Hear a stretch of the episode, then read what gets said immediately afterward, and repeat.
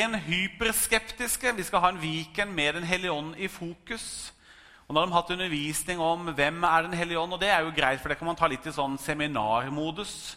Men så er det den derre 'bli fylt av Den hellige ånd'. Det var mye kritiske spørsmål til den vinklingen der. Hva betyr det? Og så har de sett på Åndenes makt på TV. Så, skal, så det var mye skepsis ute og gikk i går kveld. Og så uh, ser vi hvordan uh, når Guds ånd kommer i går kveld inn i et møterom på et hotell, og så uh, setter de bakerst i salen noen stoler, så den som har lyst til å bli bedt for, kan få lov til å ikke stå foran alle de andre, men gå bak. Og så ser de rusler en sånn diskré som mulig og setter seg, og en til som sniker seg forbi og setter seg. Og så går jeg bak, og så får jeg be, og så faller tårene. Og så tenker jeg For en Gud jeg har. Ja, det var veldig godt altså, at du sier det der. Jesus er jo helt fantastisk. Jeg, jeg liksom testet, Nå skal jeg si det litt sånn rolig og se om dere da er med, eller om jeg må liksom, må liksom hause det opp. Dere skal ikke må hauses opp. vet du. Jesus er helt fantastisk. Eller selv om jeg sier det helt rolig, så er han helt fantastisk. Og jeg har lyst til å dele noe med dere i dag. Jeg begynner i Lukas kapittel 4. Og eh,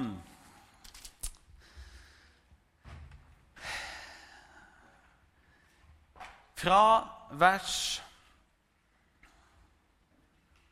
14. I åndens kraft Jeg har en kulepenn som bare irriterer meg. Tom, kan du ta den kulepennen for meg? Takk skal du ha. I åndens kraft vendte Jesus tilbake til Galilea, og ryktet om han spredte seg over hele området. Han underviste i synagogene og fikk lovord av alle. Han kom også til Nasaret, altså hjem, hvor han var vokst opp. Og på sabbaten gikk han inn i synagogen, slik han pleide. Eh, da han reiste seg for å eh, lese, så rakte de ham profeten Jesajas bok. Han åpnet bokrullen, og han fant stedet der det står skrevet Herrens ånd er over meg, for han har salvet meg. For å forkynne et godt budskap for de fattige. Han har sendt meg for å rope ut at fanger skal få frihet, blinde skal få synet igjen, for å sette undertrykte fri. Og rope ut et nådens år fra Herren. Og så rullet han bokrullen sammen, rakte den til synagogetjeneren og satte seg. Og alle i synagogen de stirret spent på han. Han har salvet meg.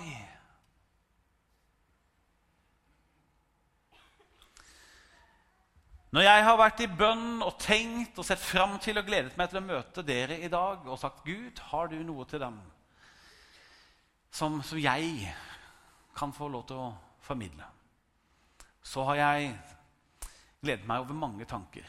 En av tankene som slo meg, og som jeg eh, har lyst til å si som en liten sånn overskrift på denne første biten av det jeg har lyst til å dele med dere Jesus rygget aldri.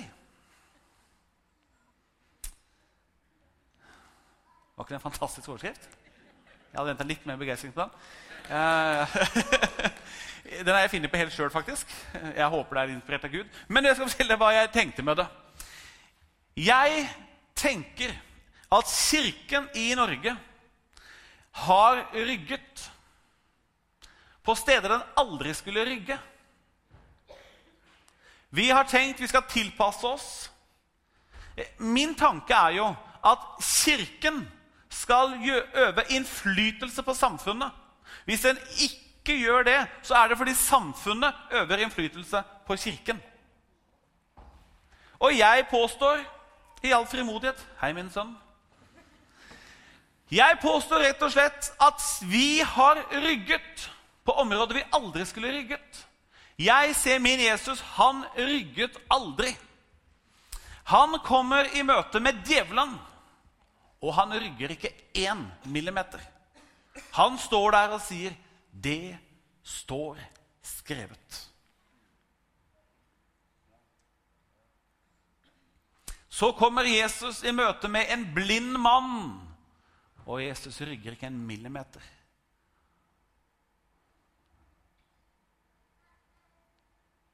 Og Bartimeus får synet tilbake. Så kommer spedalske. Og da var det gitt at enten må de spedalske for De hadde ikke lov til å gjøre det i utgangspunktet. De skulle slå på lokk og lage masse lyder og rope 'spedalsk, spedalsk', så folk fikk tid til å rygge og stikke av. Og nå kommer de. Og alle de andre bøyer seg ned for å ta en stein for å jage disse spedalske bort. Men Jesus rygget ikke en millimeter. Han går heller litt fram. Så gjør han det man aldri skal gjøre. Selv etter forskriftene. Legger hendene på den syke. Og de spedalske fikk beskjed om å gå og vise det til synagogeforstanderen. og. Også. På veien dit så ble de friske. Så kommer det religiøse, og de vil ta han. De prøver å sette han igjen og igjen i, i, i ordskiftet ordskiftet for å få han til å, å, si ting så de kan bruke mot han. Og Jesus rygger ikke en millimeter. Så møter han korset. Han kommer inn i Getsemane, og han har lyst til å rygge. Han har lyst til å gå en annen vei. Men han sier, 'Far, ikke sånn som jeg vil, men sånn som du vil.' Så rygger han ikke en millimeter. Så får han korset lagt over skuldrene sine. Og På det tidspunktet er han så slått og så skadet at han har ikke kraft til å bære det korset, sånn som de andre røverne klarte. Så en mann ble hentet inn fra sidelinja for å bære korset for ham. Og Jesus krabber seg opp helt fram til korset og rygger ikke en millimeter. På grunn at han så deg og meg der framme og han vet jeg gjør dette for dem. Jesus rygget aldri. Han sto oppreist i møte med sykdom, med nød. Han står selv foran graven til Lasarus og rygger ikke en millimeter, men går et skritt fram og ber dem rulle stein til side. Og så roper han, ja, etter først har sagt 'Far', jeg vet jo at du alltid hører på meg. Min det, det, vet jeg jo at du alltid gjør. Men, men, for de andres skyld. Og så roper han inn i graven. La oss komme ut. Og så kommer han ut. Den døde etter fire dager. Jeg har lyst til å snakke med dere om i dag om å være en kristen som ikke rygger. Jeg har lyst til å snakke om at Jesus var annerledes. Grunnleggende annerledes. Og Kirken må være grunnleggende annerledes. Og hvorfor annerledes? Ikke annerledes rar, men annerledes fordi vi ser mer. Vi lever ut fra en annen utsikt. Og Det delte jeg med dere forrige gang jeg var her. Å få lov til å leve med to utsikter samtidig. Vi kan få lov til å se at Goliat er tre meter, men vi kan samtidig se at Gud sitter med universet utspent mellom sine fingre. Og David vet at da blir tre meter Goliat forferdelig lite. Men hadde du ikke sett det, hadde tre meter Goliat vært forferdelig stort. Det handler om hva du ser. Jeg har lyst til å dele med deg i dag at Jesus sa, 'Herren, han har salvet meg.' Men jeg har lyst til å si til deg også at han har salvet deg. Han har salvet deg til å forkynne frihet for fanger. Han har salvet deg til å rope ut nådens år. Han har salvet deg til å sette undertrykte fri. Han har salvet deg han har salvet deg.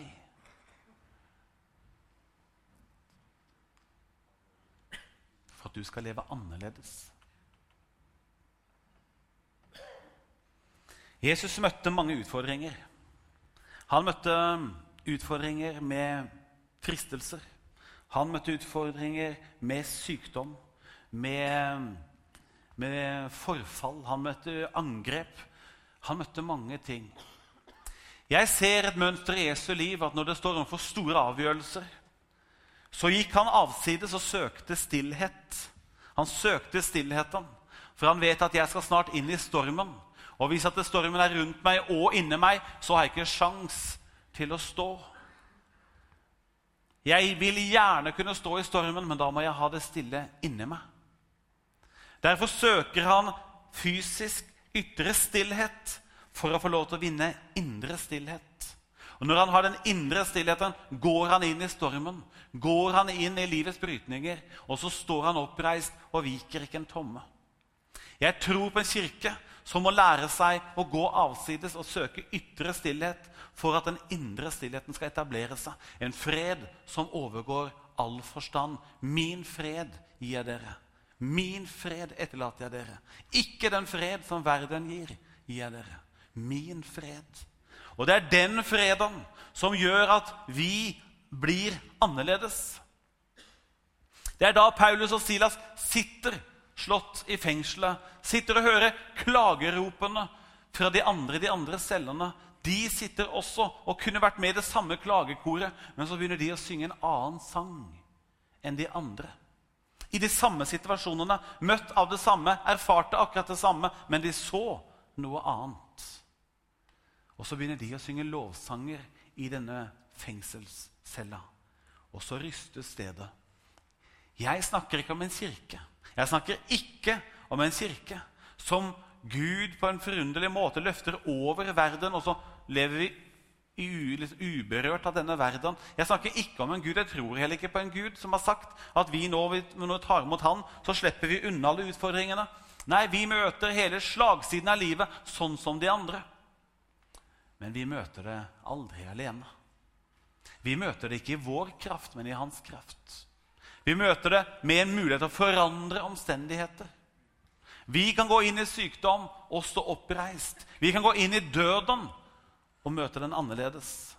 I min jobb er det kort vei noen ganger mellom barnevelsignelsen, barnearbeidet og begravelsen.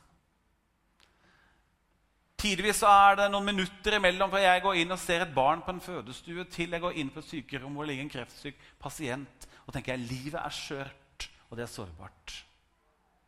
Og vi som kristne møter det livet. Jeg har også i min jobb fått lov til å ha hatt begravelser, mange av dem. Jeg har ved noen anledninger hatt, eh, kommet inn og skal begrave, og så sitter familien og sier vi tror ikke på Jesus, men vi vil at du skal foreta begravelsen. Jeg sier ja, men du, jeg, da, hvorfor går du ikke til en ateist eller humanetiker og tar den begravelsen? Jeg tror jo på noe mer enn et punktum. Men så har jeg ved anledninger tatt den begravelsen. Og så har jeg stått der og sittet med familien i rommet, og så står det på alle disse kransene eh, 'Takk for alt. Minne seg med glede.' Og, og, så er det ikke noe mer. Og så har jeg vært i disse begravelsene hvor eh, den samme sorgen er der. Det samme savnet er der.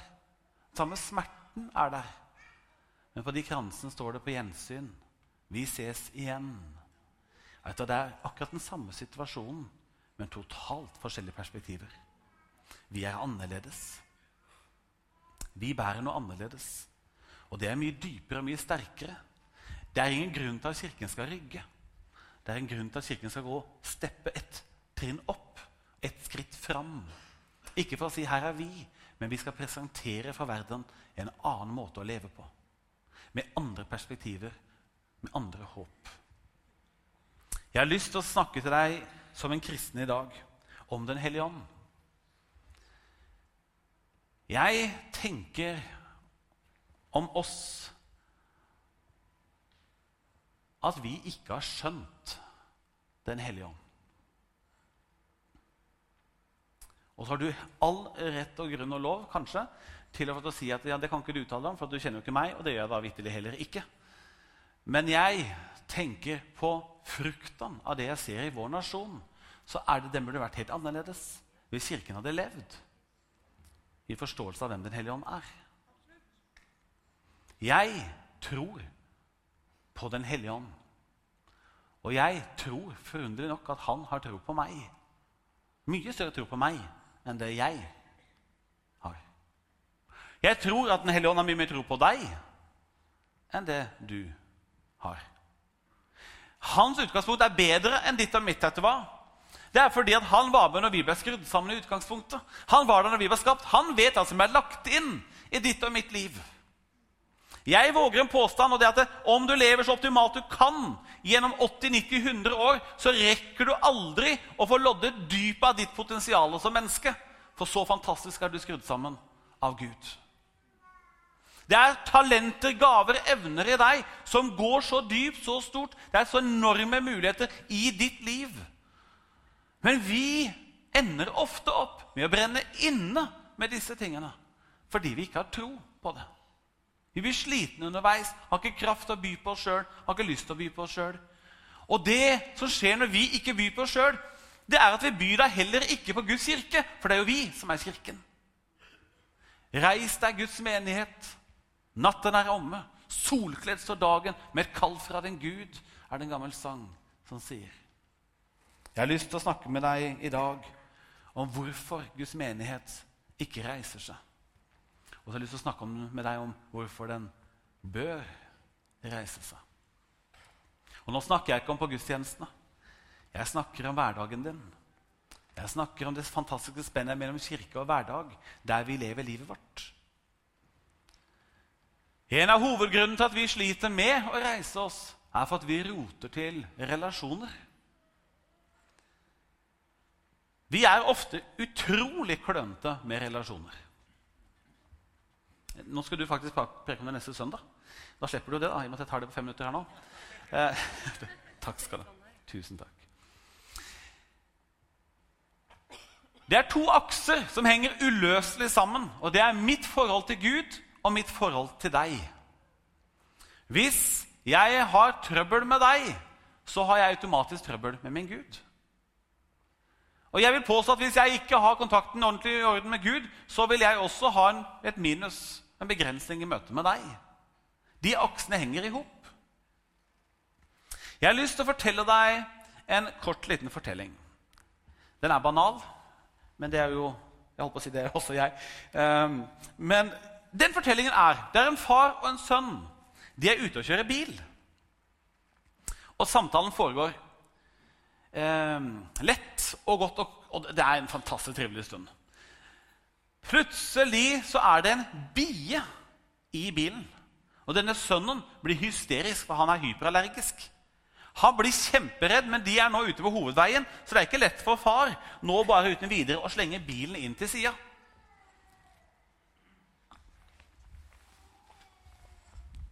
Pappa sitter med hånda på rattet, følger med på denne bien, og plutselig tar han tak i den.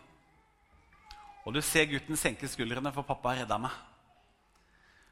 Og du ser øynene på gutten som ser på pappa, og de stråler av takknemlighet. Helt til han ser at far åpner hånda og slipper bia ut igjen. Gutten blir jo helt desperat, hysterisk og småsint. Og sier 'Hvorfor gjør du det, pappa?' Og så sier pappa 'Slapp av, gutten min'. slapp av, gutten min. Og Så rekker han hånda ut. 'Se', sier han. Og Så ser gutten i hånda til pappa at der er det et hissig rødt merke og en brodd.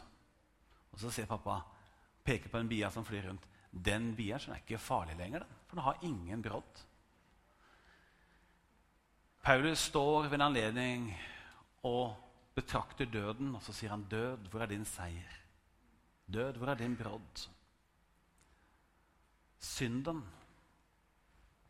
brodden, døden. Jesus tar døden på den måten at han tar synden. Og når syndens makt er borte, har ikke døden lenger noe brodd. Jeg har lyst til å gi noe til deg i dag som jeg tror er kjempeviktig. Jeg har lyst til å gi deg en um, kort, banal, enkel lære. Og det er at vi vil alle bli stukket. Det kan være noen som sier noe vondt. Det kan være noen som mener noe vondt. Det kan være en misforståelse, men det er et eller annet, og du blir såret. Og Hvis jeg hadde spurt dere hvor mange er det som har blitt såret i løpet av de siste tre ukene, så er det antagelig opptil flere som på en eller annen måte på et eller annet nivå har kjent seg litt såra eller stukket i løpet av de siste ukene. er det ikke sant? Det oppstår situasjoner. Jeg tenker jo at det, hver gang det skjer et eller annet sånt, så er det en liten brodd. Og i denne brodden er det kobla mot gift. Så denne, dette kan bli betent. Eh, du som har jobba litt med planker, og sånn, du vet at noen ganger etter at du har gjort en jobb, så sitter du på kvelden eller dagen etter og så kjenner du Hvorfor er jeg så øm i den fingeren? altså? Hva er dette for noe? Og så ser du at jammen meg er det ikke en liten flis. Og den er jo så liten at du skulle tro at det ikke betydde noen verdens ting. Men hvis du ikke tar den lille flisa, så kan den faktisk gjøre stor skade. Er det sånn på det? Og vet du hva? Sånn er det med sånne filleting som noen ganger blir sagt. Og du opplever, hvis du lar den brodden sitte, så kan det bli en betennelse. Og du, vet, du kan faktisk i løpet av en tid bli et helt annet menneske enn det du hadde planlagt å bli. Du kan bli et litt sånn småsurt, fornærma, øm, sånn tynnhuda sak. Som vi har altfor mange av. Fordi de er betent. Jeg ser på Jesus, og han ble stukket igjen og igjen av nettopp de menneskene som han var kommet for å redde. Jeg ser når han blir lagt ned på korset, og så spikrer de han fast med grove spiker gjennom hendene. Og så ser jeg Jesus som løfter hodet, og så sier han, 'Far, tilgi dem.' For de vet ikke hva de gjør. Og når han gjør det, så tar han brodden ut. Kort tid etter er det en ung mann som heter Stefanus. Han driver og hjelper enkene og de svakeste og de fattigste. Gir dem mat og deler ut. Og når han er fri, så løper han ut og forteller om, om Jesus som er død og satt opp igjen. Og Dette her gjør snart at en hel haug med folk de blir sinte på han og jager han ut av byen. og Han bøyer seg ned og tar skarpe steiner, og så kaster de. Og så står det om Stefanus at mens steinene hagler, løfter han blikket, og så ser han Jesus oppe hos Gud. Og så løfter han stemmen sin og sier, 'Far, tilregn dem ikke denne synden.' Mens han sa dette, så sovner han inn. Når han gjør det, tar han brodden ut. Jesus sier en ting. I lang tid har dere hørt øye for øye, tann for tann. Jeg sier dere, snu heller det andre kinnet til. Er det for at vi skal bli idiotisk snille? Er det fordi vi nå rendyrker en total mangel på respons? Stoppe alle reflekser vi har? Nei. Jesus sier det fordi at du og jeg ikke skal bli bitre mennesker. Han sier det for at ikke vi skal bli såra mennesker. Han sier det for at ikke vi skal ende opp i løpet av noen år som noen mennesker som vi aldri hadde drømt om at vi kunne ende opp med å bli. Fordi han vet at det er bare én måte du og jeg kan begynne å leve sunt og rent på. Det er når vi evner å ta ut brodden. Og vi må gjøre det lenge før noen kommer og sier unnskyld. Vi må ta det nå med en gang, sånn at ikke det får evne å satt seg en betennelse. Hvis vi gjør dette, vil vi leve i frihet. Selv overfor de menneskene som vil være våre fiender. Jeg tenker at det skal være sånn. Jeg sa det for noen år siden da jeg var ung. så sa jeg at jeg skal være en sånn person som folk sliter innmari med å være fiende til. For jeg ikke svarer tilbake med samme mynt. For sånn tenker jeg, sånn var Jesus. Hvorfor sier jeg dette?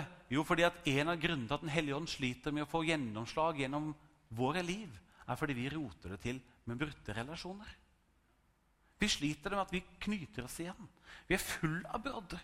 Hvis jeg hadde spurt deg og meg i formiddag spurt, eh, hvor mange av dere kan lokalisere en type brodd som har sittet der, og du har den enda.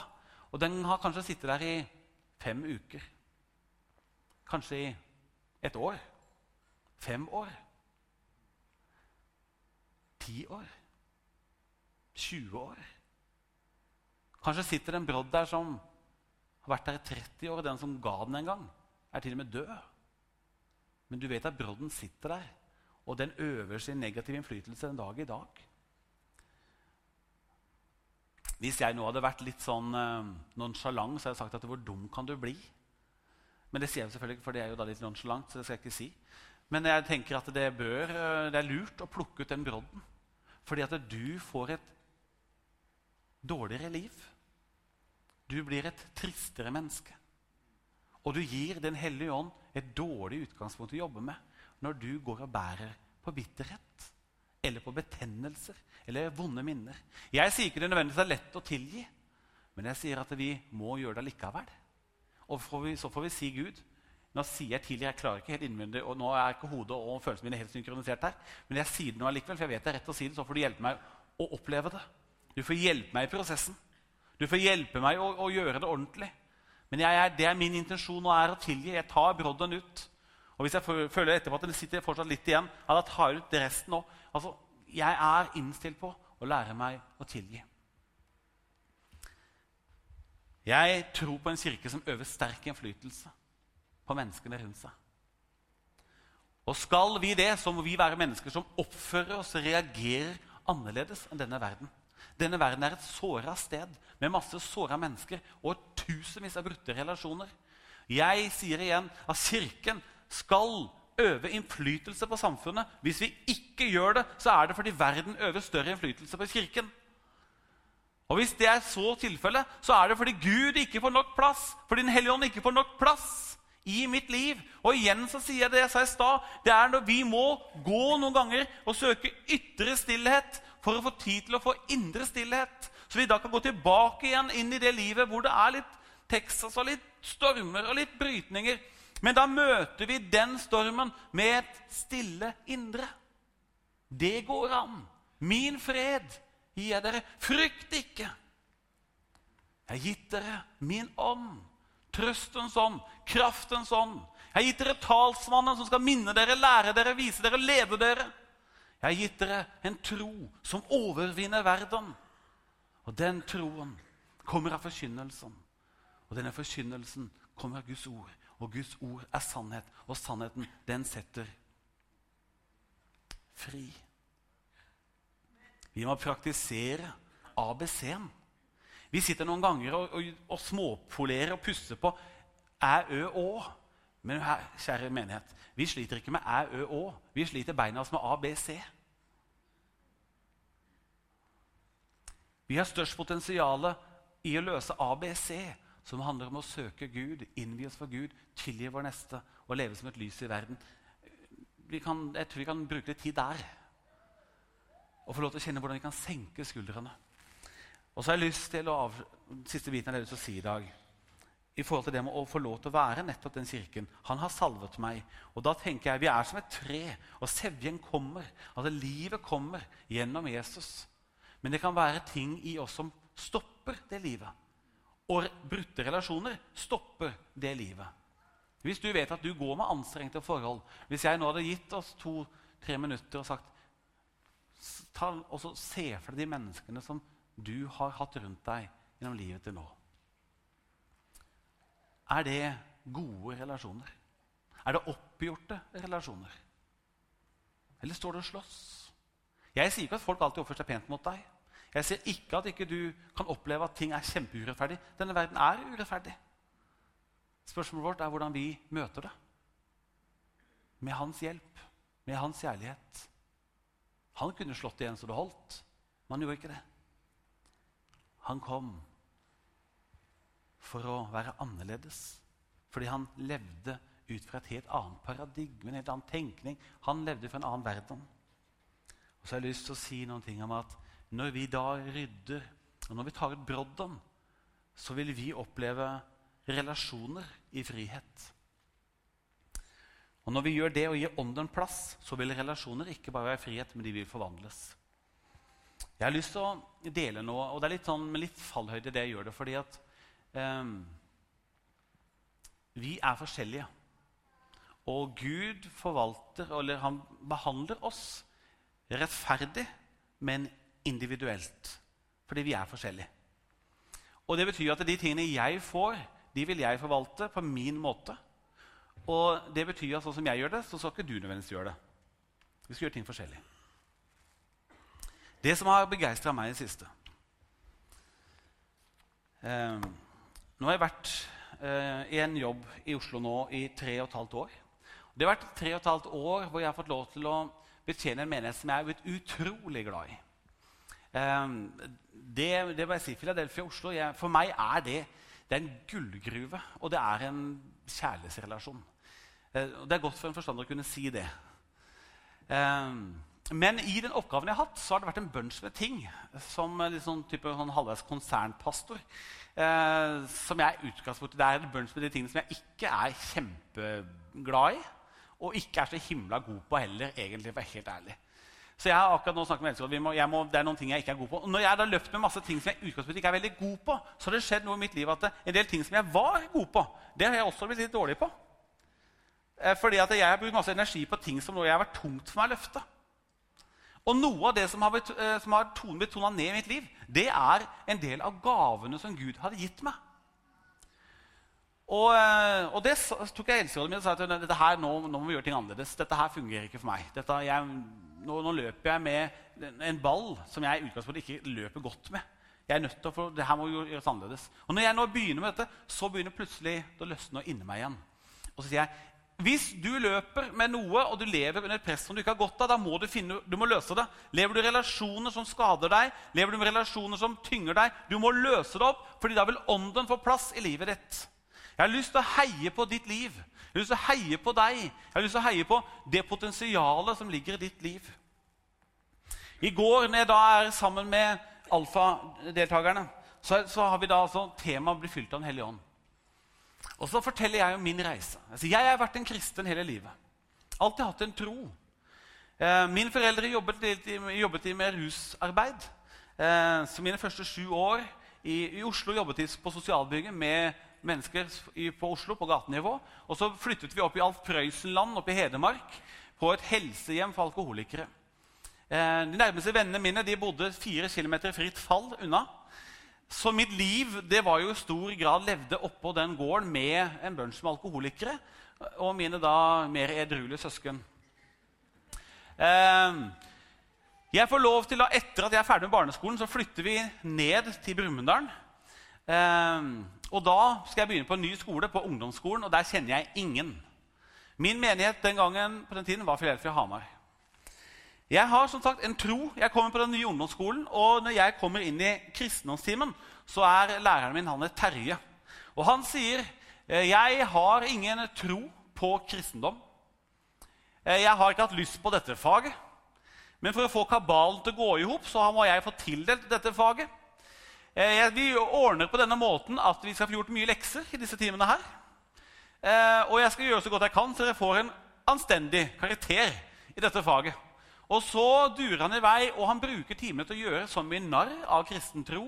Han latterliggjør Kirken og Jesus og alt sammen. Jeg sitter og krymper i stolen, men tør ikke å si et ord mens jeg hører latterbølgene går i hele klasserommet. Og jeg tenker, dette er jo ikke greit et sted, men jeg har ingen frimodighet et sted inni meg til å reise meg og si noe. På samme tiden i ungdomsmiljøet i Filadelfia Hamar på den tiden, så eh, var det mange mennesker som blei eh, åndsdøpt, fylt av ånden, begynte å ta det tungere og sånn. Og jeg, synes jo, jeg er jo vokst opp med pinsemenighet, så jeg, det var jo jeg kjent med. Jeg så jo at for mange av disse som jeg kjente, som opplevde denne fylldom, de blei veldig begeistra. Jeg fikk en glede og en frimodighet som jeg ser, det hadde de ikke hatt på samme måte før. Og jeg tenker det her trenger jo jeg. Og når jeg snakker om hva er åndens fylde, så tenker jeg at det, et bilde er jo at jeg hadde jo alltid opplevd å å være elsket av mamma og pappa. Så det å, kjærlighet det visste jeg godt hva var. Jeg har hatt en fantastisk oppvekst med foreldre som er glad i meg. Men når jeg møtte Ann-Kristin, kona mi, så opplevde jeg kjærlighet, og det var annerledes. Og det gir seg veldig positivt at det var annerledes enn kjærlighet jeg hadde med pappa. Det var en ny type kjærlighet. Den var større. Den hadde nye aspekter. Var, og så får jeg barn. Det var en, enda en ny opplevelse. Altså, Kjærlighet hadde jeg visst hva var hele tiden, men jeg opplevde at jeg fikk et mye større, mye større opplevelse av hva det handlet om. Og jeg tenker at Sånn var det med Gud. Jeg har hatt en tro på Gud. Men jeg så at de fikk en opplevelse av Gud som gjorde at ble, det ble noe større. det var noe dypere. Og jeg så jo at dette var noe som ga dem fremodighet. Og jeg går fram på møter og sier jeg har lyst til å bli bedt for å få det her. Og jeg får jo ingenting av dette. Jeg går fram og kneler ned som vi gjorde, og de ba for meg. Det skjer jo ingenting. Og jeg kommer fram uke til uke. og Jeg er jo sikker på at det er noe gærent med meg. Jeg går hjem og sjekker ut i livet mitt om det er noe gærent med meg, og finner ut at det er jo et bunch med ting som er gærent med meg, så jeg skjønner godt at Gud ikke vil. Så jeg begynner jo da en ryddeoperasjon i mitt eget liv. Og kommer fram neste uke etter å ha gjort nå en skippertak ei uke, og det skjer jo fortsatt ingenting. når jeg blir bedt for, Så jeg går hjem og tenker er det noe mer. Og tror det var noe mer? Ja. Så jeg driver jo en ganske sånn innstendig rydding en lang periode og tenker nå får jeg ta det jeg kan ta. Men det skjer jo ingenting. Og jeg syns jo alle i hele kirken, nesten i hele Hamar, var min opplevelse ble åndsdøpt. Bortsett fra meg. Og det som skjer er jo at, det, at etter hvert så begynner folk å gi opp. De, de går bort og ber for den på høyresida, hopper over meg og tar ber for den på venstresida. Altså, jeg blir et sånn håpløst tilfelle. Og det er en kjip opplevelse når det, når det skjer søndag til søndag. Så er det jo Lykken er jo at det kommer en eh, tilreisende predikant som skal ha møter. og jeg tenker nå, Han vet jo ikke at jeg er et håpløst tilfelle, så nå er det håp. Etter et år og jeg er meget pågående, for jeg gir jo ikke opp heller. vet du. Og så kommer han bort. Jeg husker han legger hånda på. Det var Halvard. En fantastisk fyr fra Haugesund som har vært en pøbel og en kjeltring. Ingen i Haugesund likte Halvard. Men så blir han frelst. Han likte ikke navnet sitt. Han kalte seg nå fra Helvar. fordi han var jo nå helfrelst. Og denne mannen her, som da spiller alle sangene i G-dur, uansett om det passer eller ikke, han var der. Og så ber han, så legger han hånda på meg, og så nå tenker jeg nå, skal, nå kommer det noe. Nå skjer det nok noe. Og så, han, så er han stille litt. Så, du har det sånn, så gikk han videre. Og jeg kjenner jeg blir så sint. Jeg blir så sint. Tenker, jeg har ikke en Jeg har ingenting. Det var det jeg skulle si nå. Og jeg kjenner og jeg, Nå tenker jeg, nå har jeg lyst til å løpe etter den eller løpe ut. jeg vet ikke, i hvert fall, Dette er ikke greit. Og så er det akkurat sånn den setningen 'jeg har det'. det er liksom akkurat sånn, Dette ned som en krone på en automat har det kanskje? For Jeg hadde jo masse tanker hvordan det skulle skje. Da, for jeg hadde sett hvordan alle de andre opplevde det. Så jeg hadde jo masse tanker på hvordan dette skulle skje. Så jeg venta jo på et eller annet som kom og tok over et eller annet. Men så får jeg en opplevelse av glede. En opplevelse av Guds nærvær. Og, det var, og da, klart, Nå hadde jeg bygd opp demningen i et år, så klart at det her nå var potensialet for et stort breakthrough var jo ganske stor. Så jeg får jo en opplevelse Alle andre i salen er borte for meg. Det bryr meg ingenting når jeg bare opplever at Gud og jeg er her. Opplever at Gud står der og favner meg. Og så går jeg hele helgen full av en glede over at Gud er god mot meg og er glad i meg sånn som jeg er. Så kommer jeg på mandag, en vanlig skoledag. Og så tar Terje og så slenger han ut et eller annet. Og så hører jeg plutselig en i klassen som reiser seg opp og så sier at det der, der er ikke greit. Det er mange av oss som tror på Jesus, og du kan ikke holde på sånn. Og jeg forundret hvem som sier det, og så oppdager plutselig at det er meg selv. Og jeg ser på de sjokka ansiktene til menneskene rundt og oppdager det mest sjokka ansiktet er antagelig mitt. Men jeg står der og så kjenner jeg mens jeg står der nå, min stolthet over Jesus. Hvor glad jeg er i Jesus. Og så står jeg der, og det hadde ikke jeg kunnet gjort før den opplevelsen. Når jeg fikk denne fylden Jeg hadde trodd på Gud alltid, jeg. Men denne opplevelsen av forelskelsen, fylden av Den hellige ånd, gjorde meg til et annet menneske der og da. Jeg møtte livet annerledes. Det var jo sånn som når jeg ble glad i Ann-Kristin. det var ikke sånn at jeg var veldig flau over henne. så jeg liksom, syntes det var koselig å ha henne, men jeg låste henne inn på hybelen. Liksom, så satt hun der, så møtte jeg henne en gang iblant. Men nei, da måtte jeg ta vise henne til alle. For jeg var veldig stolt av Ann-Kristin. Og er det enda. Eh, når jeg fikk barn, så var det heller ikke sånn liksom, at det var en merkelig bult jeg har fått her nå. Liksom. Og så vi får eh, parkere den i en vogn, og så la vi masse sånne ting over. Så, men eh, Nei, jeg hadde, jeg hadde, behov for å vise Miriam til alle. Og har det enda. Eh, og sånn ble det med Jesus òg. Plutselig hadde jeg lyst til å ha behov for å vise Jesus. Jeg tror på Den hellige ånd, som har, når han får lang sjanse i mitt liv, til å forandre meg. Jeg har fått lov til å oppleve hvordan det gjør mirakler. Jeg satt, nå husker jeg ikke hva jeg fortalte forrige gang, men jeg vil si et par historier som forteller noen ting om hvordan Det står om at han kan få steiner til å tale, og han kan få esler til å tale. og tenker at jeg, jeg, sorterer litt i den kategorien der. Og så har han også brukt profeter. og sånn, men jeg føler noen ganger at han, Med meg så har han brukt meg mest på tross av. Eh, ved en anledning så var jeg pastor, jeg var pastor i Tromsø i tolv år. Rett før jul så skal jeg gå og sende en pakke, og jeg er kjempeirritert den dagen. Fordi jeg hadde tima det utrolig dårlig. Rett opp mot jul, midt på dagen. Det er jo pakke pakka posthus med folk som alle er like dårlig tid som meg med å få sendt det. Jeg trekker en kølapp og skjønner jo at dette her kommer til å ta usannsynlig lang tid. Og jeg ser jo at det er jo ikke en sitteplass før jeg ser det er en som reiser seg, og jeg løper og tar den plassen. Det var sikkert noen andre som burde hatt den plassen. Jeg tok den. Jeg ble sittende der og så ble jeg sittende litt i min egen verden, og så plutselig hører jeg en lyd i døra, inngangsdøra. Og der kommer det, og I, i Tromsø, Philadelphia Tromsø hadde vi en ruskafé, så jeg kjente jo en del av de som sleit med rus i byen. Noen av dem. Og Nå kommer det inn en tre-fire stykker, og de med er tydelig starta dagen allerede godt. For de var helt tydelig litt på snei inn døra der, og mye, mye lyd. Jeg ser han ene trekke en kølapp ser sånn som meg opp og får den samme antagelig grimasen i ansiktet når han skjønner at dette kommer til å ta sin tid. Rett siden av meg på ene siden, på høyre sida mi satt en gammel dame med en sånn handlebag med hjul på. Sett sånn. Hun hadde det. Og Så satt en annen person siden av meg, og så sa det pling. Og så er det den personen på venstre side som da Og da løp han, som jeg gjorde i stad, og tok plassen. Og jeg tenkte ja, det kunne godt fått en som lukta litt bedre, men det er greit.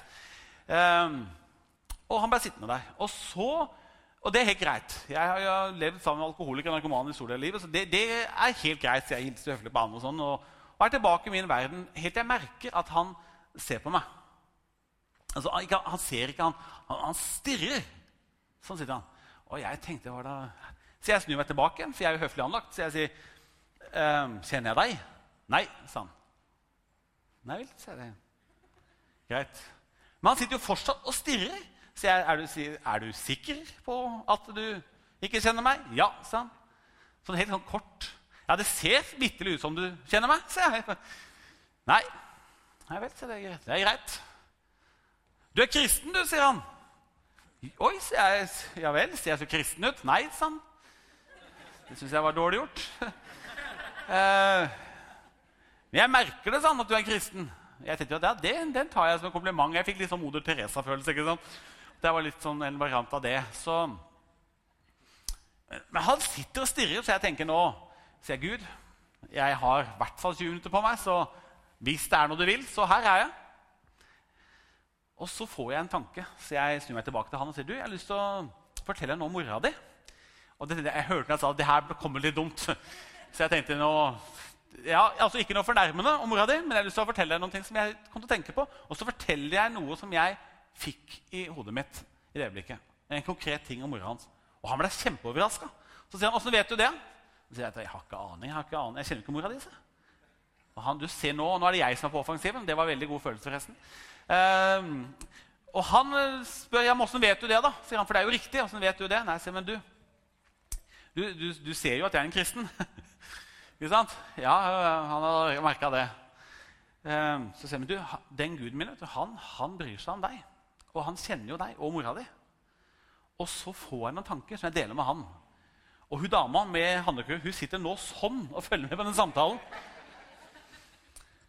Og han du skal se, han, det der Ansiktet hans er som en sånn et, reise i forskjellige landskap. Fra sjokk til liksom, Og så renner tårene. Og så sitter jeg, så får vi et, et himmelsk øyeblikk inne på posthuset. Og så sitter jeg etterpå og tenker Gud, dette her har jeg ikke mye ære av. Altså, dette her er du. Jeg var stressa, var irritert og syntes han på toppen av det lukta litt vondt. Og så gjør du dette her om til et himmeløyeblikk. Jeg tenker det er fantastisk. På søndag i Philadelphia. Vi har et internasjonalt møte. Eh, pastor Abel fra eritreerne han eh, tolker meg. Og det er en fest i seg selv, for han tolker jo slett ikke alltid det jeg sier. og det er kult, for han gjør det på engelsk, så jeg hører at han ikke sier det samme som jeg. Så jeg noen ganger sier du, Abel, det var ikke det jeg mente. Men, uh, men det går fint. Og så etter at jeg har talt, så, uh, så, står Abel og ber. Og så får jeg et, et bilde. Et bilde av en, en, liten hund, en valp. Og jeg ser at eieren til den valpen er sint og ond og slår og pisker denne valpen. Og jeg ser at valpen er livredd og klynker og ligger ned mot bakken livredd. Og så ser jeg at det går som, som det går en tid der jeg ser hunden vokser opp. Men den er livredd, og den blir en svær, massiv hund. Men den er livredd. Så skifter denne hunden eh, hun får en ny eier. Og denne eieren er glad i denne hunden. Og Den prøver nå å gi hunden en klem, men hunden er jo livredd. så den er ikke åpen for det i det hele tatt. Men så ser jeg at over tid så vinner denne nye eieren og den kjærligheten plass. Og hunden etter hvert blir trygg, reiser seg og blir oppreist stolt hund. Og Så ser jeg denne hunden går nedover en vei. Og Så ser jeg ned i gata kommer denne forrige eieren opp imot den. Og den Eieren kjenner en hunden, og han smiler ondt, og så går han imot hunden. Og forventer at denne hunden nå skal bli livredd. Men denne hunden er jo en ny hund. Fordi kjærligheten har drevet frykten ut. Og denne hunden knurrer. Og denne eieren blir livredd og løper. Og Så forteller jeg det bildet. Etter møtet så kommer det en dame fram. Og så sier hun det bildet. Og så forteller hun sin fortelling om et liv som ikke var bra et sted. Og så forteller hun de, du ga meg et brev fra Jesus i dag. Og så står jeg og tenker for en Jesus vi har. Vi har ingen grunn til å steppe tilbake. Vi må steppe et skritt opp. Disse tingene, disse gavene, Guds medisinskap, vi bærer det med oss.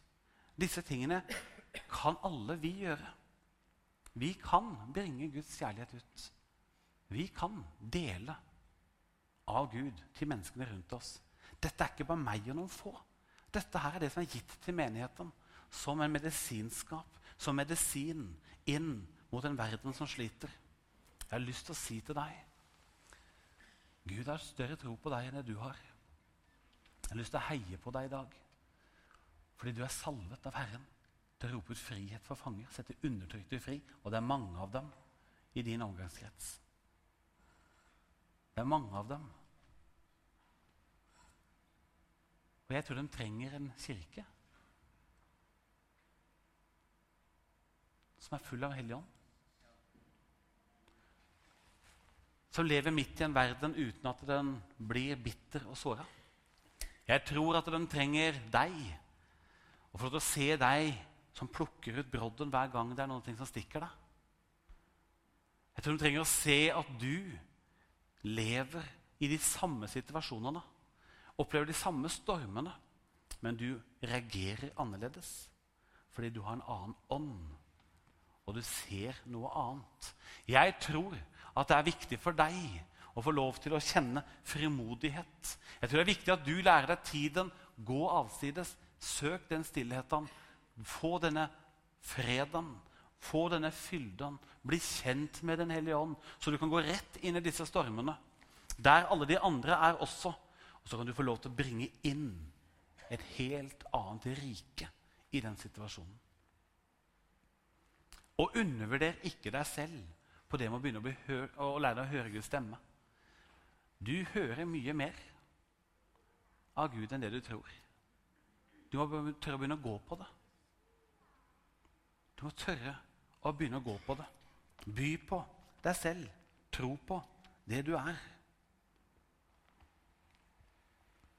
En sånn kirke forandrer verden. En sånn kirke er en fri kirke.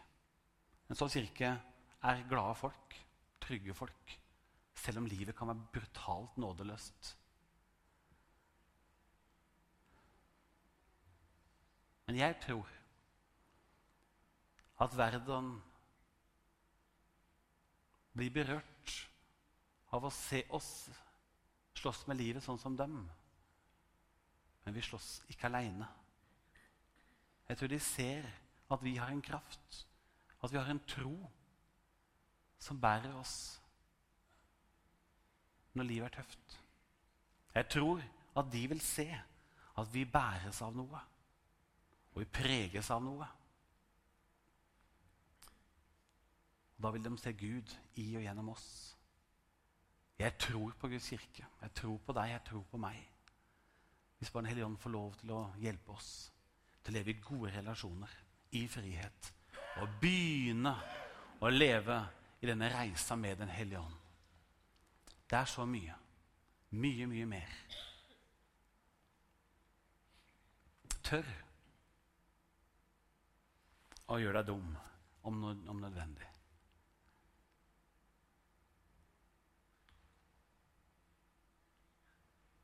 Da skal jeg si den siste lille historien. Så skal jeg gå ned. Jeg var ungdomspastor i Tabernaklet i Bergen for mange år siden. Jeg husker ikke om jeg fortalte det forrige gang, men jeg ble minnet om det likevel, så jeg tar det en gang til. I etter, ettermøtet inviterer jeg folk fram, og så kommer det en høy fyr fram. Han hadde aldri jeg sett før, så jeg skjønte han var gjest. Og jeg står der framme og, og, og, sier, 'Gud, hva vil du, vil du si nå?' Så, så, her er jeg. Og så opplever jeg Gud sier, 'Gå bort til han der fyren der borte'. Så det gjør jeg jo. Steller meg foran og kikker opp på han. Han er i hvert fall halvannet hode høyere enn meg. Og så sier jeg, 'Gud, hva nå?' Så enkelt. Hva nå, tenkte jeg inni meg. Gi han en klem. Nei, sa jeg. Det gjør jeg ikke. Det er langt utafor komfortsonen min. Å begynne å klemme en høy fyr jeg aldri sett før. Foran hele forsamlingen. Det gjør jeg ikke. Men jeg kan gjøre noe annet. Gi han en klem. Og jeg står og ser på han. Han står liksom med øya lukka. da. Og så kikker han en gang iblant ned på meg, liksom, for han lurer på hva som skjer. Og jeg står der og tenker Gud, gi meg, gi meg en annen mulighet. Den kan jeg klare, og den kan jeg klare, og et eller annet. Det, men uh, den har jeg ikke lyst til. Gi han en klem. Og så tenkte jeg, Hvis jeg gir han en klem, så ender jeg på å stå og klemme rundt magen hans. Det ser dumt ut. Det har jeg ikke lyst til. Gi han en klem. Ja, ja. Og jeg gir han en klem. Og, og du skal se fyren han er helt stiv. Så jeg tenkte ikke bare jeg som syns det er kleint. Nei, vi er to. Vi er to. Og jeg tenkte nå slipper jeg. Nei, kjenner jeg inni meg. Hold. Nei, tenkte jeg. Ja, og jeg, da, å, hvor dum jeg føler meg. Jeg står og tenker å, nå, det, hva, hva, nå? Hvis ikke det blir noe mer, nå, så blir det skikkelig kleint. Hvis noen slipper å gå, da går jeg hjem. Så jeg står og holder han. Og så sier Gud til meg eh, Fortell han om en blomst. Nei, det, nei! Blomst her, nei! Det ikke noe blomst! Fortell ham en blomst, om, om, om, om, bladene på blomsten. Og så, nei, nei dette, dette, vil jeg ikke si. Men eh, så ender jeg med å si at jeg ser bilde av en blomst. Og kronbladene. Og, og så fortalte jeg noe om den blomsten. Og jeg, å, jeg, jeg, jeg kjente kaldsvetta. Det var skikkelig ekkelt. Og jeg, å, Nei, det var ikke noe greit, altså. Og så kjenner jeg plutselig dette noe opp i hodet mitt. Så kikker jeg opp, og så får jeg tårer rett i øya. Og jeg bare Nei, dette er ekkelt, altså! Det er opplevelsen min nå. Jeg syns det er både kleint og ekkelt. Dette, hvor lenge skal dette vare? Og, og jeg, jeg, var der, for jeg, jeg, jeg, tenkte nå burde jeg jo, I dag hadde jeg skjønt nå skjer det noe. Men nå, nå var jeg, jeg syns bare det var ikke ålreit. Og så fort jeg kjente jeg hadde levert det jeg skulle, så gikk jeg. Og jeg gikk tidlig hjem den dagen. Og tenkte han håper jeg aldri ser igjen. Og det gjorde jeg da vitterlig heller ikke på mange år før jeg da har flyttet nordover. Og er på folkehøgskolen vår, Sandvik, på et stevne. Så kommer det en fyr bort til meg, en høy fyr. Så sier han hei, sier han. Hei, sier jeg, for jeg er jo høflig anlagt. Så um, sier han, kjenner du igjen meg? «Hm, nei, sier jeg. Du har klemt meg, du, sier han. Og jeg tenkte ja, deg har jeg sett før, ja. Og jeg kjente, Nå, nå er jeg stund, så nå liksom tenkte jeg nå tar jeg den på hælen. Liksom ja, ja, det husker jeg. Syns ikke det var noe særlig. tenkte jeg, men det sa jeg ikke. Så sier han du, kom, skal jeg fortelle deg noe. Og så tok han meg til side. Og så forteller han meg en fortelling om en som var på besøk i Bergen, hvor livet er svart, kullsvart. Og så sier han jeg skal gå inn på dette møtet, Gud. Og jeg eh, skal gi deg en sjanse. Jeg skal gå fram hvis muligheten byr seg. Og så, um, så utfordrer jeg deg på at du skal få en til å komme og klemme meg. Jeg tenkte Det er jo bra usannsynlig at noen gjør. Det hadde jeg vært han i. Og så, på toppen av det, så kan han fortelle meg om en blomst. Hva er sjansen for det, liksom? Så kommer det en dust som ikke vet bedre, og klemmer en som da er en meter høyere, og forteller om en blomst. Og så forteller han om hva den episoden gjorde med livet hans.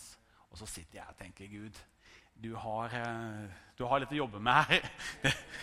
Jeg innrømmer det. Men eh, der følte jeg meg pressa fra skanse til skanse. Men så kjenner jeg igjen, tenker jeg, her er det ikke mye ære for Daniel, men det er en utrolig mye ære for Jesus. Og jeg tenker vet Den ånd har du. Og gjør det på posthuset, gjør det hjemme. Gjør det hvor som helst. Det er noe i dette Guds rike det er noe med det du har fått, som er mye større. Jeg sier, Du har ikke skjønt hvor stort det er. Det du har fått, den ånden du har, og de gavene du har, du har ikke fattet hvor stort det er. Men begynn å gå og reise av, og Gud får vise deg, så han får lov til å spille på de strengene i ditt liv. så du kan få lov. Du, Det er en reise hvor du blir trygg, du blir glad, du blir velsignet, og du skaper et rom rundt deg med velsignelse. Jeg har lyst til å oppmuntre deg i dag til å få lov til å bli det mennesket som Gud har skapt deg til. Men våg over relasjoner. For hvis du ender opp med masse brodder i livet ditt, så vil du aldri kunne bli en åpen kanal for Gud. Du kommer til å bli avsporet, og du kommer til å bli begrensa. Bry deg ikke med å vente på de andre, at de skal be en tilgivelse. Gjør det selv. Rydd opp selv. Ta brodden ut. Gi tid til Den hellige ånd. Si Gud, jeg overlater ikke nådegaven til predikanter. Jeg tror at det er for oss for de menneskene som er undertrykt, som er såra, de folka møter jeg hver dag i mitt nabolag. Til og med i familien min. Kan hende du ser dem. Det er på tide at du begynner å gå ut i dette og betjene med Guds godhet. For dette er Guds kjærlighet i aktivitet. Og jeg tror på dette er Kirken. Og vet du hva? Og de som er skeptiske på Gud vet du hva? Jeg så dem i går, et par av dem, som da kom på alfakurset. Og de kom med høy skulderføring inn. Og så kommer jeg og så deler jeg noen ting som jeg ser. Og han ene i går han, eh, han, kom helt på slutten. da aldri, Han trodde ingen så lenger. Så, um, så, gikk han bort og så vinka han bort meg. Så kan du, kan du, gjøre sånn for meg? Sånn, sånn, sånn be for meg? Sånn. Ja, så kan jeg gjøre. Så, det. så jeg, nå får jeg en tanke. Så delte tanken. Og han hulkegråter borti hjørnet der. Det er det ingen som visste. sånn. Nei, men Gud vet det. Så kjenner jeg at jeg står der som en postmann. Men en veldig glad en. veldig glad postmann Som får lov til å levere noe som jeg ikke har aning om, inntil et menneske. Og så ser jeg at all skepsisen er borte. I det øyeblikket Gud har gjort noe som ingen andre kan gjøre enn han. Og så kan han bruke steiner, esler og Daniel og deg. Og da er menighet i ferd med å begynne å bli noe av det vi skal være. Og, vet du hva? og det her handler ikke om stemning, det handler ikke om lovsangsteam, det handler ikke om møtelokaler. Det handler om at jeg og Gud er på samme sted til, på samme tid. Og det er han alltid, for han bor i troen ditt i mitt hjerte. Himmelske Far, jeg takker deg for Pinsekirka. Jeg takker deg for hver eneste en av oss. Jeg har lyst til å gå imot alle åndelige mindreverd. La ingen her tillate seg å måle seg mot noen andre på det åndelige livet. Vi er dine barn, og vi er forskjellige, og vi er unike, originale. Og det er det sånn du vil ha det. Vi skal få lov til å være forskjellige, men la oss få lov til å være frimodig forskjellige. La oss få til å by på oss sjøl sånn som vi er. La oss ikke klandre oss selv for ikke vi har kommet lenger. La oss få lov til å begynne å bare legge av oss byrdene og si Gud, er, dette er mitt liv. Dette er min hverdag. Dette er mine venner, min arbeidsplass, min familie. Herre, her er jeg. Hvis jeg kan brukes i denne sammenhengen, i denne hverdagen og for disse folka, vær så god.